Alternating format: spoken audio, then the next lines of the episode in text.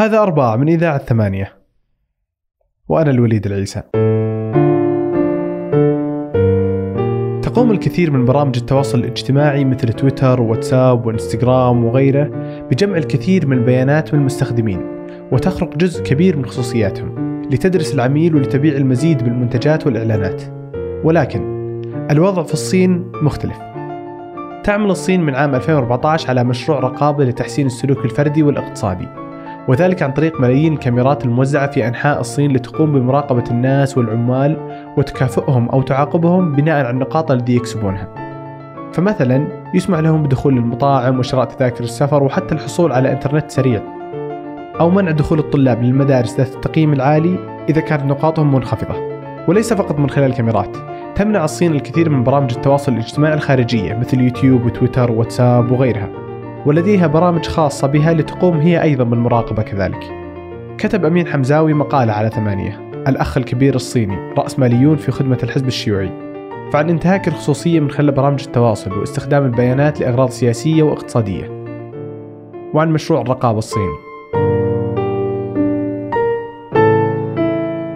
آه، إزاي الصين بداية من آه، 2014 تقريبا بدأت تطبق برنامج للرصيد الاجتماعي انه يقيس آه، معدلات أو يقيس أداء المواطنين وأداء الشركات وأماكن العمل وبيقيمهم على أساس الأداء الوظيفي والأداء الاجتماعي أو الأداء المهني. على أساس التقييم ده بيبدأ آه، إما إنه آه، يمنحهم مكافآت معينة زي تسهيلات في التوظيف وتسهيلات في حجز تذاكر السفر وتذاكر الفنادق وحتى سرعة الإنترنت.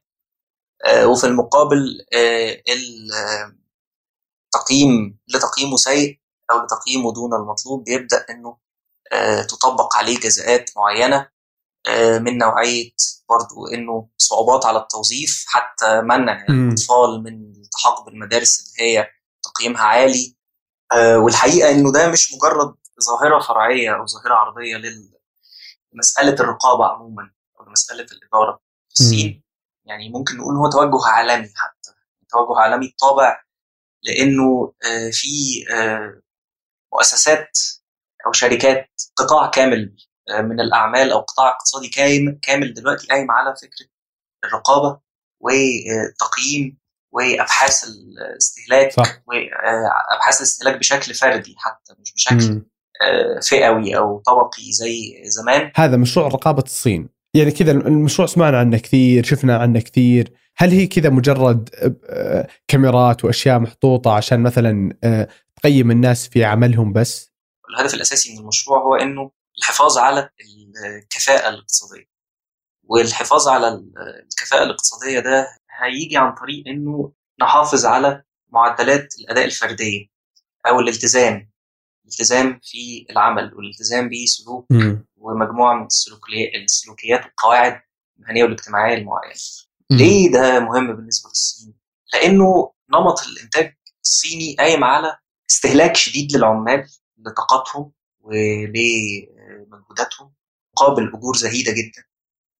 وبتستفيد الشركات الغربية من ده آه، عن طريق إن هي بتستثمر أموالها وبتنشئ آه، فروع لإنتاج القطع المختلفه من المنتجات اللي هي بتصنعها أو حتى المنتج بأكمله في الصين ليه؟ لأنه الأجر الزهيد اللي بياخده العامل الصيني بيوفر أو بي- بيرفع من معدلات الربح. ده بيودينا إيه؟ إزاي الحكومة الصينية تقدر تحافظ على كتلة السكان الكبيرة دي في حالة من الرضا والرضوخ لهذا الأمر الواقع ولهذا النمط من الإنتاج. بس مو مفترض كذا الشكل اللي كذا إحنا نشوفه في في الدول وفي في الأماكن الثانية إنك أنت بتجي تشتغل وأنا بعطيك راتب مقابل هذا الشغل. ممكن يكون راتب زهيد ما نختلف، ممكن تكون ساعات العمل طويلة ما نختلف، بس ليش الصين هي تقريبا الوحيدة اللي اتخذت هذا الشكل الآخر اللي أنا بتابعك، أنا بسوي لك، أنا بمنعك. بينما في كل دول العالم أبعطيك راتبك وخلاص يعني بنمشي. لأن حتى يعني مو مو بكل دول العالم رواتبها عالية يعني. لو بصينا للموضوع بشكل أعمق شوية هنلاقي إنه آه، ما ينفعش غير كده ده الشكل الوحيد الممكن لإنه ال- الاستثمار في الصين أو نمط الإنتاج مم. الصيني يستمر بالإنتاجية دي وبمعدلات النمو دي وبمعدلات الاستثمار الغربية اللي موجودة حاليا. لأنه ببساطة لو وفرنا سوق حره فعلا بيبقى عند العامل فيها حرية إن هو يعرض عليه أجر ويرفضه أو يقبله وفي حالة إن هو الأجر ما كانش كافي بالنسبة له هيدور على مكان تاني يشتغل فيه دي مش متحققة في الصين. الصين فيها كتلة بشرية كبيرة جدا والكتلة البشرية دي ببساطة عايزة تشتغل. بالتالي أنت عندك فائض من العمالة فائض من العرض يعني المعروض من القوى العاملة هو كبير جدا. بيترتب على ده إنه أي حد بيقبل بالكتلة الكبيرة من الناس بتقبل بوظائف أو بتقبل بالأجور الزهيدة دي. في حين إنه لو انقلبت بقى العمال دول قرروا إن هم ياخدوا خطوة راديكالية شوية لتغيير الأوضاع لتحسين الأجور على مستوى عام أو تحسين الأجور بشكل أفقي إنه كتلة كبيرة من العمال دول أجورهم تزداد أو إن في حد أدنى للأجور. ده اللي بيخوف الحكومة الصينية ده اللي بيخلي الحكومة الصينية تاخد إجراءات زي دي تاخد إجراءات وقائية زي دي. إنه إزاي إن إحنا نمنع ونستبق أي محاولات لتكوين وعي بالمساله أو تكوين وعي بالمشكلة الموجوده واللي هي إيه؟ اللي هي إنه مفيش أي اتحادات عماليه أو نقابات مستقلة تدافع عن حقوق العمال دول أو تطالب باجور مرتفعة بيخترق الحياة الخاصة كل فرد ولكل عامل وعن طريق اختراق الحياة الخاصة دي إحنا بنشل إمكانياته للحركة ولاكتساب وعي بمشكلة أو بإنه يحاول يتعاون مع حد تاني سواء في أي شكل من أشكال التنظيم الاجتماعي أو التنظيم السياسي ونستبق المحاولات دي إن إحنا نعاقبه إحنا نراقب سلوكه. وبالتالي إذا كان موافق لاشتراطاتنا ولهذا الوضع انه يستمر بنمنحه المكافآت اللي هي في بقية دول العالم هي أشكال عادية جدا. وكيف أصلا الصين جالسه تراقب هذول الناس يعني؟ يعني كم كبير من الصينيين كثير منهم مثلا خلينا نقول إنهم فقراء فيمكن حتى مثلا الجوال وكذا يمكن ما يكون معهم.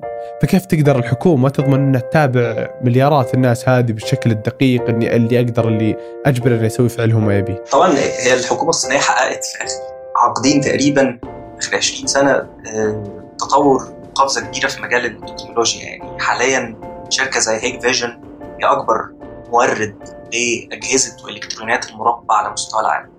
الشركة دي بتورد كل أو معظم المكونات الخاصة بالمراقبة من كاميرات لإلكترونيات معقدة ونشاطها ممتد لجميع دول العالم تقريبا بما في ذلك الشرق الأوسط حاليا تتوسع. بشكل كبير فيه. ده اللي ساعد الحكومة إن هي تطبق وتاخد الخطوات دي لأنه الشركات دي بالفعل أنتجت برمجيات تمكنها حاليا من إن هي توسع نطاق المراقبة وخاصة انه تطور أجهزة المحمول نفسها أتاح إنه إحنا نوصل للفرد بشكل أكثر حميمية وبشكل أكثر خصوصية.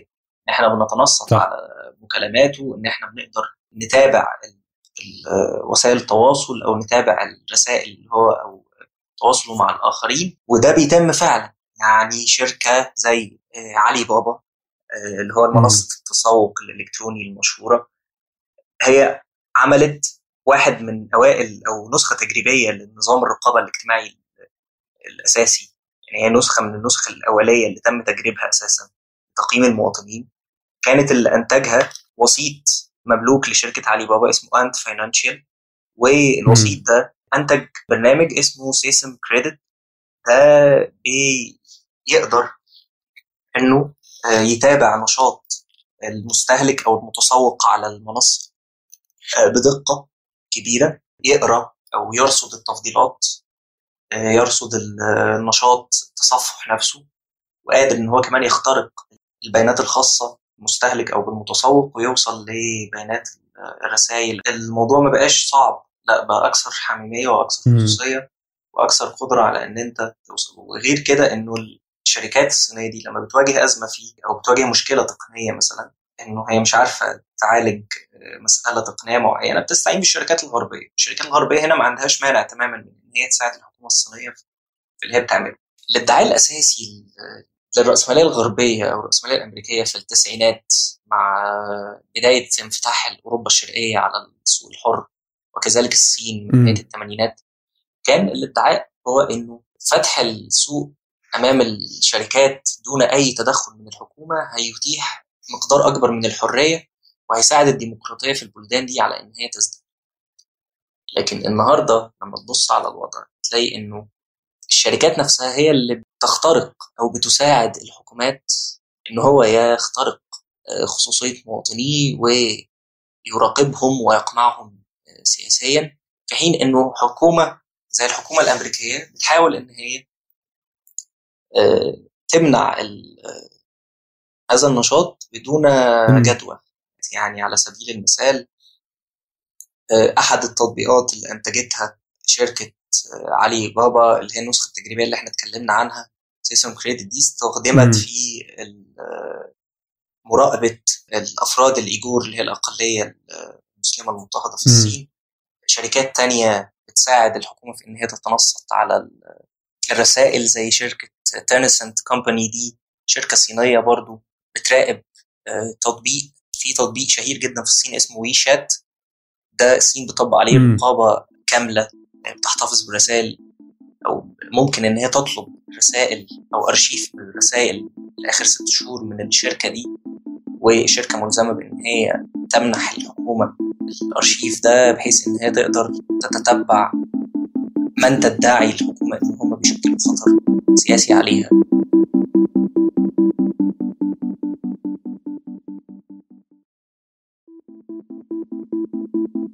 طيب هذا يعني أتصور أنه كذا شكل من أشكال انتهاك الخصوصية في الصين. وكيف إنها هي جالسة تستعين بشركات كبيرة على أساس تسوي الشيء اللي هي تبيه، فهي تبي إنها تنتهك الخصوصية لأجل إن الاقتصاد يمشي ويزدهر وكذا. لو قلت لك إنه وش بي وش بيضر لو جت شركة وانتهكت خصوصيتك أنت يا أمين، جت سواء قلنا واتساب، قلنا فيسبوك، أي شركة كان هذه من شركات ال data وتقعد تاخذ معلومات منك. بس إنها مو جالسة تضرك بشكل مباشر، هي مو مثل الصين جالسة تمنعك إنك تسافر أو إنها جالسة تقلل من الخدمات اللي تقدمها لك. فهل هذه تعتبر مشكلة إذا إنها ما ضرتك بشكل مباشر؟ هو هنا بيستغل حاجة معينة مش بإيد كل شخص إن هو يتحكم فيها. مش مطلوب مني كفرد إنه أبقى واسع المعرفة على الطرق الخاصة بتجنب الاختراق أو تجنب الرقابة أو رفض الرقابة دي م. أو آه، معرفة النتائج المترتبة على قبولي بشروط آه، معينة مثلا لتثبيت آه، تطبيق معين عندي على الموبايل أو على اللابتوب اللي مطلوب هنا إنه يبقى فيه مؤسسات رقابية عندها فرق من المختصين قادرة إن هي تحكم على إنه نشاط معين لشركة معينة بيهدد خصوصيه الأفراد ولا لأ؟ إيه المانع إنه شركة زي امازون مثلا تدرس نشاطي التسوقي فعلى أساس دراستها دي أو على أساس تتبعها ده تقدر إن هي تظهر لي اقتراحات أفضل للتسوق تظهر لي بضائع أنا مهتم آه، إن أنا أقتنيها أو ان أنا أشتريها. ممكن يكون كويس في جانب تزداد سهولة إن أنا الحصول على الحاجة اللي أنا عايزها فعلا. لكن في جوانب سلبية للمسألة دي وأعتقد إنه الجوانب السلبية على المدى الطويل هي أخطر من الجانب صح. الإيجابي اللي إحنا اتكلمنا عنه. الجوانب السلبية هو إنه الموضوع ما بيوقفش عند أبحاث الاستهلاك وبس. الموضوع بيبدأ يتدخل ويوسع للجانب السياسي وللمجال السياسي. والأبحاث دي بيتم تطبيقها وبيتم استغلالها في الحملات الانتخابية والحملات الدعائية لتوجيه الناس بطرق معينة آه، ناحية أو لصالح المرشح اللي هيدفع أكتر ببساطة. وده طبعا حصل في القضية الشهيرة بتاع كامبريدج اناليتيكا وقت الانتخابات الأمريكية وإن هم إزاي اخترقوا بيانات خاصة جدا بمستخدمين فيسبوك واستغلوها في الحملة الدعائية الخاصة بترامب. فبالتالي أنا هنا بخلق مستهلك نهم للاستهلاك طول الوقت حتى لو مش محتاج سلعة معينة لأني بعرض عليه طول الوقت حاجات أنا بوهمه أو بحاول أقنعه بأن هو محتاجها فعلا إن هو ممكن يكونش محتاجها آه، بتاتا. وبنتقل بقى لأن أنا بستغل بياناته وبحاول أثر عليه في مجال المفروض إنه الشركات ما تتدخلش فيه هو المجال السياسي المفروض إنه أنا أتيح للفرد ده مساحة مساحة إن هو يختار فيها بحرية يختار فيها دون تأثير من أصحاب مصالح مادية معينة في إن هم هيقبضوا فلوس من مرشح معين.